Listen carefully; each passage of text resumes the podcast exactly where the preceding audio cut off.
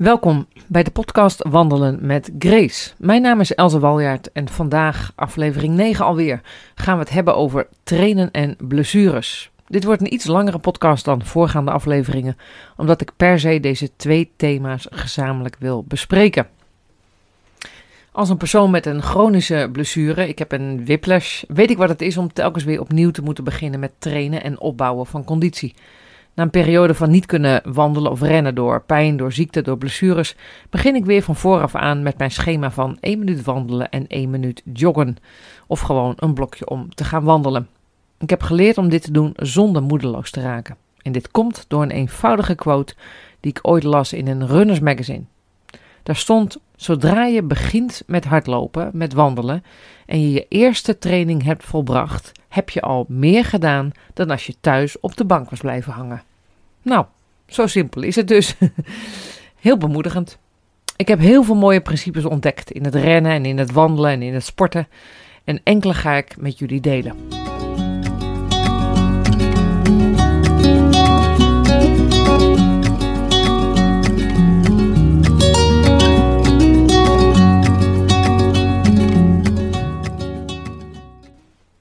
Al van jongs af aan ben ik een sportfanaat. En de vier jaren op de sportacademie hebben mij heel veel geleerd over het lichaam. Een eerste les. Een spier zal sterker worden als die wordt uitgedaagd tot meer dan die kan. Met meteen een waarschuwing dat als je verder gaat dan wat een spier kan, de spier beschadigd kan raken. Maar beginnen met sporten, met wandelen, met trainen is altijd goed. En de rustige opbouw is belangrijk. Ik zie best wel veel mensen die als een malle aan de slag gaan, starten met vijf keer in de week en wandelen meteen drie uur achter elkaar en zijn na een week al uitgeblust. De spieren doen pijn en de lol is eraf. Dat is niet zo wijs. Het vraagt best wel geduld en discipline om het trainen op te bouwen. Je spieren worden sterker naarmate je elke keer iets meer traint, iets zwaarder traint of herhalingen opvoert. Dus de ene keer 10 minuten wandelen en de volgende keer 15 minuten wandelen. Je zult meer van het lichaam vergen en de spieren zullen sterker worden. Grace en ik trainen destijds maar één keer in de week, waardoor we eigenlijk niet sterker werden. Zo rond de 30 kilometer begon alles pijn te doen en dat werd er dus niet beter op omdat we te weinig trainden. Dus elke week opnieuw, zo rond de 30 kilometer, begon de pijn weer. Tja, dan hadden we vaker moeten trainen, dan waren de spieren sterker geworden. Een tweede interessante feit is dat een spier die vermoeid is, niets leert.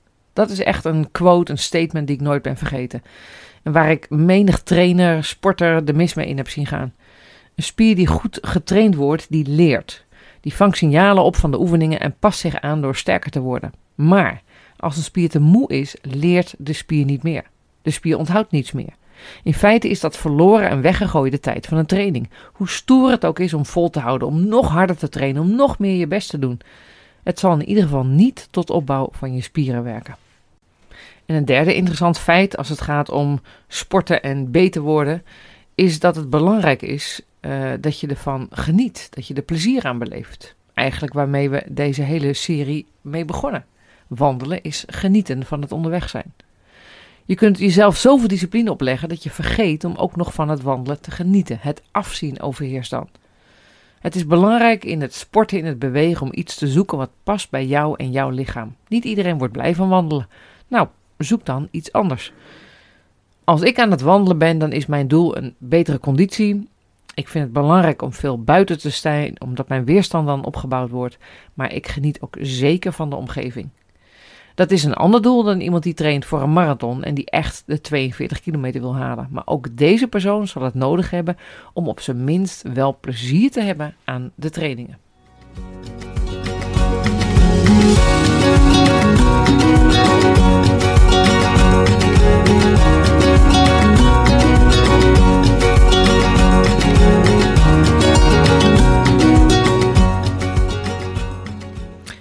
Vierde item wat ik wil bespreken is naast trainen kan de mens ook geblesseerd raken. En wat doe je dan?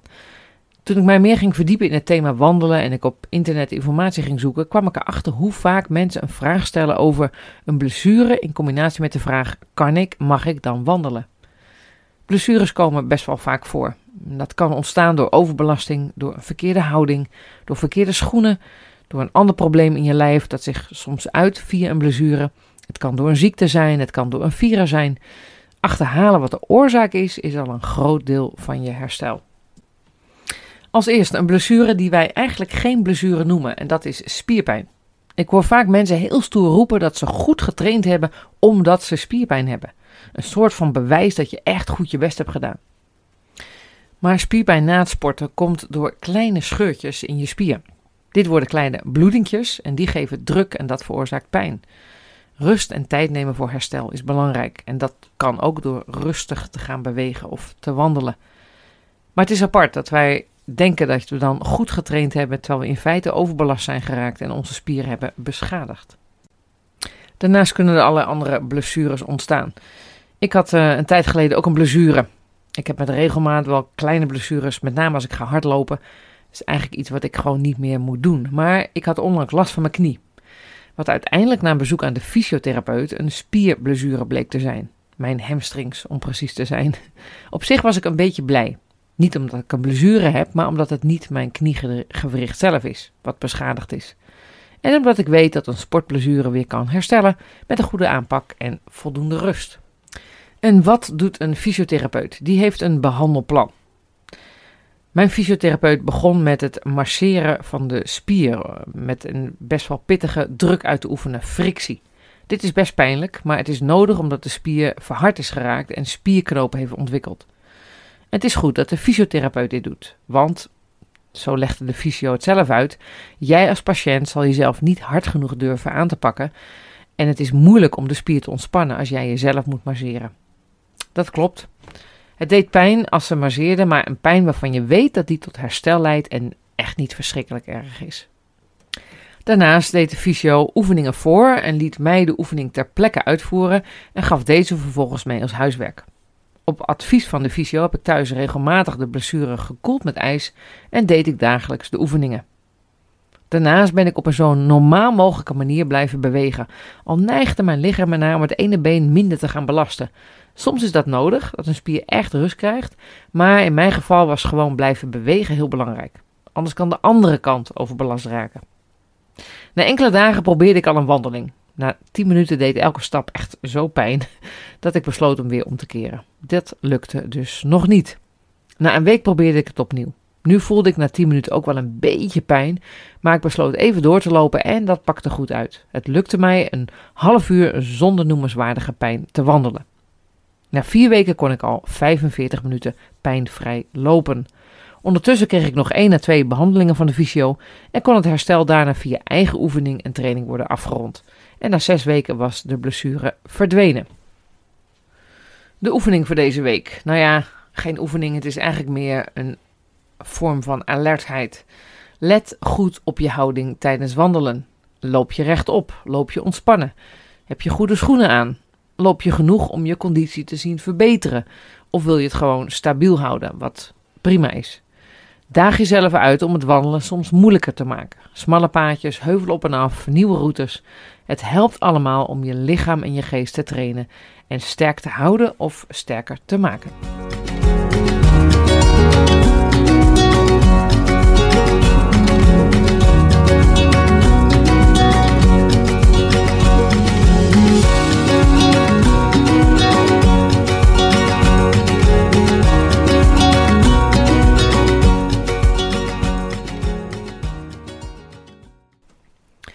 Parallel naar onze wandel met God. Als we kijken naar onze wandel met God en het onderwerp trainen gaan benoemen, dan haken sommigen al direct af.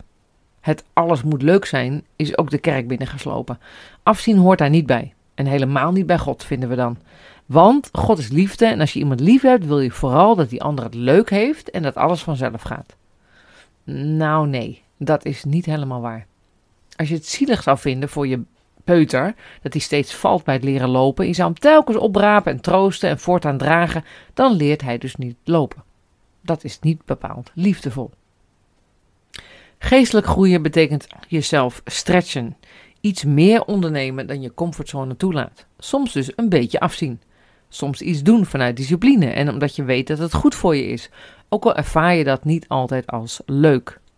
Toch de Bijbel pakken en een hoofdstuk gaan lezen, toch samenkomen met anderen en een tijd van gebed hebben en toch nog even langsgaan bij je collega, omdat hij best wel een bezoekje kan gebruiken, ook als je er niet altijd zin in hebt. Met de aantekening dat het vooral God is die dan de uitwerking geeft. Liefde door onze armen heen, openbaring bij het lezen van zijn woord, maar aan ons om de letterlijke stappen te nemen. En dan het tweede punt. Zoals we hoorden over een spier die vermoeid is en dan niet leert, zo kan je ook geestelijk vermoeid raken. Te veel doen.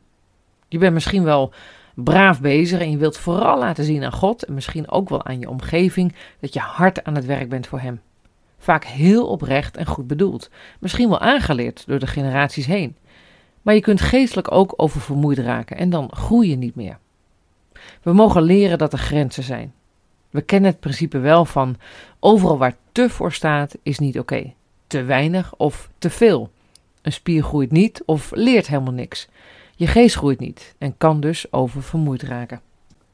Het derde punt is eigenlijk ook heel belangrijk: plezier. Misschien is dat wel de sleutel tot balans tussen niet te weinig en niet te veel. Ik zal een voorbeeld noemen van mezelf. Ik ben nooit zo'n type geweest die het heerlijk vond om naar allerlei gebedsavonden te gaan en uren te bidden. Dat heeft deels met mijn karakter te maken, maar deels ook met de wijze waarop de bidstonden waren ingedeeld. Noem het maar een sport die mij niet helemaal lag. Ik werd er niet bepaald blij van. Vanuit discipline ging ik wel, en dat was en is niet verkeerd. Maar soms raakte ik echt moe van het gedisciplineerde gaan. Ik beleefde er geen plezier aan, maar besefte ook dat ik het alleen vanuit volharding en afzien niet zou volhouden. Ik raakte het bidden vanuit mijn hart een beetje kwijt. En het werd routine, plicht, een soort van kilometers maken met trainen, zonder te genieten. En toch, op dit moment draai ik in verschillende gebedsgroepen mee. En ik heb een manier gevonden die voor mij werkt, die bij mij past. En ook bij de anderen die dus met mij meebidden. Wat heeft voor mij gewerkt? We hebben een tijd afgesproken van maximaal één uur bidden, met de vrijheid om daarna ook meteen naar huis te mogen en te kunnen. We werken met kaartjes, met thema's. Gericht bidden voor een thema of voor bepaalde personen helpt mij enorm om mee te gaan, ook in de flow van de Heilige Geest, door niet steeds van de hak op de tak te springen in gebedsthema's. En wat we ook doen, we gaan soms wandelen rondom het gebied waarvoor we willen bidden. We zien dingen, we horen dingen, we stoppen af en toe voor korte gebeden op straat en we hebben onderweg ook gewoon veel plezier. We wandelen letterlijk met God. Begrijp me goed, dit werkt voor mij, dit is geen methode. Dit is zoeken naar manieren om wel degelijk de geestelijke spieren, de goddelijke principes te trainen en uit te voeren. Ik geloof namelijk in gebed. Niet omdat ik nou God een plezier doe of dan een goede christen ben, maar omdat ik geloof in de kracht van gebed.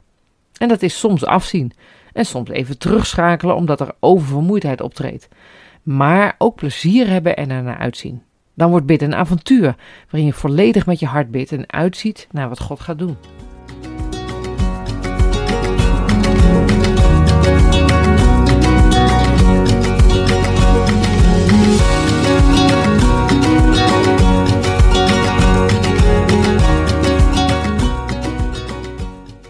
Dan het onderwerp blessures. We kunnen geblesseerd raken. We kunnen qua ziel geblesseerd raken of geestelijk uitgeput raken, overbelast.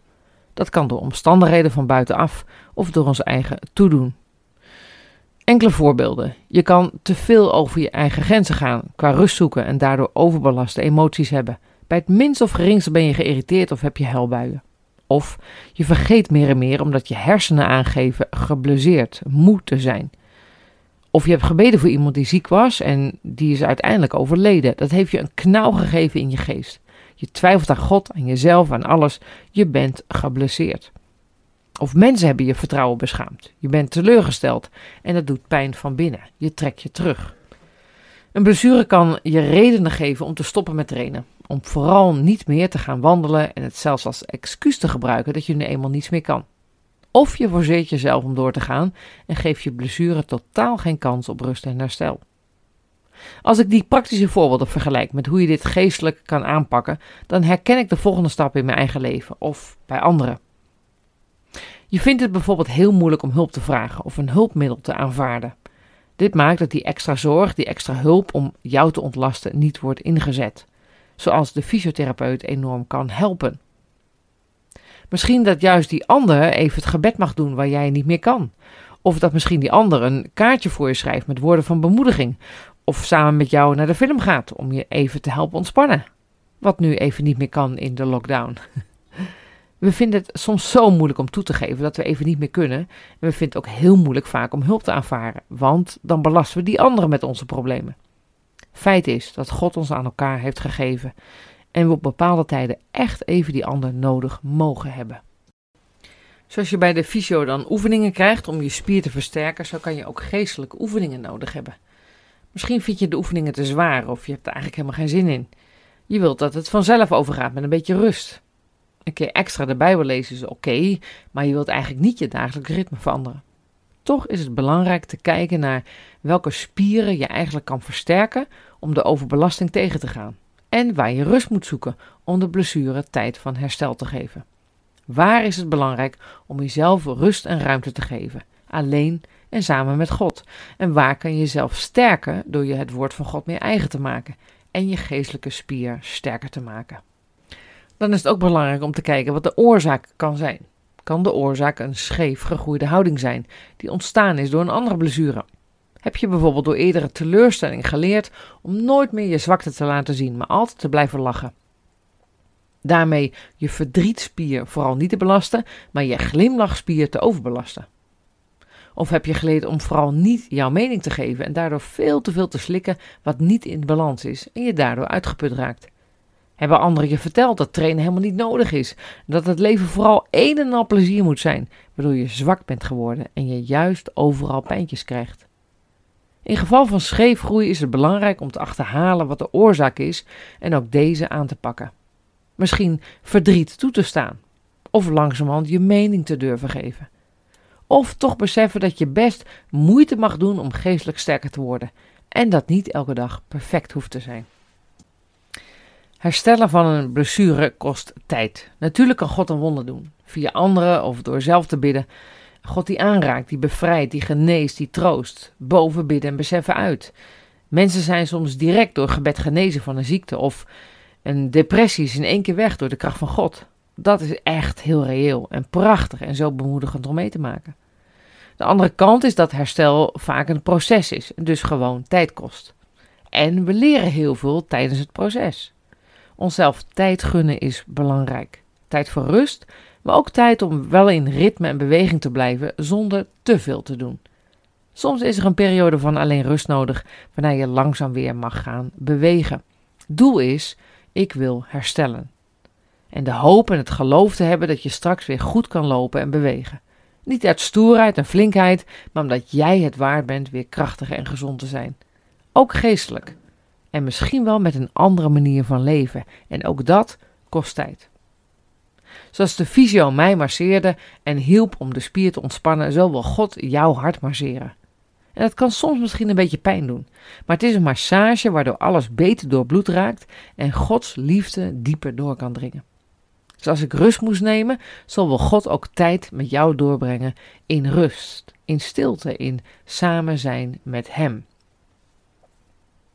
Ik heb het in deze aflevering niet over een ernstige ziekte of een zwaar trauma, maar over een blessure. Het dagelijkse. Daar waar jij verandering in aan kan brengen met hulp van anderen en met hulp van God. En waar je open mag staan voor zijn wonder van liefde. Ik wil afsluiten met een gebed. Heer, help ons om plezier te hebben in het onderweg zijn met u. Om onszelf te activeren door uw woord te lezen en onze geestelijke spier te trainen. Help ons om niet alleen maar hard te werken voor u, maar ook rust te vinden. En als wij blessures hebben opgelopen, wilt u dan onze fysiotherapeut zijn. Leer ons om u te vertrouwen in de aanwijzingen die u geeft. U wilt dat het goed met ons gaat, omdat u van ons houdt. En wij willen van onszelf houden en van onze naasten, zoals u van ons houdt. Amen.